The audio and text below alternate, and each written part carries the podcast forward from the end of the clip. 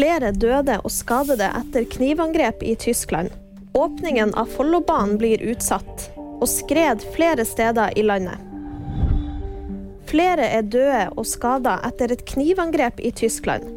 Minst to er døde og flere er skadd etter et knivangrep på et tog mellom Kiel og Hamburg i Tyskland. Det bekrefter tyske myndigheter.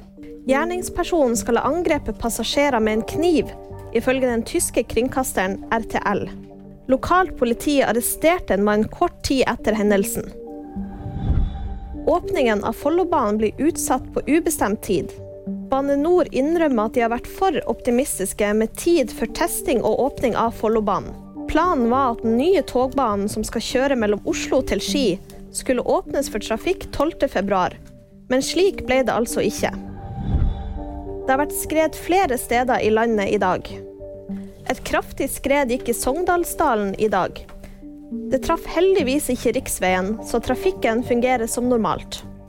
Også i Nordland gikk det et sørpeskred, som gjorde at rv. 80 mellom Fauske og Bodø ble stengt. Veien åpnes ikke før tidligst torsdag ettermiddag.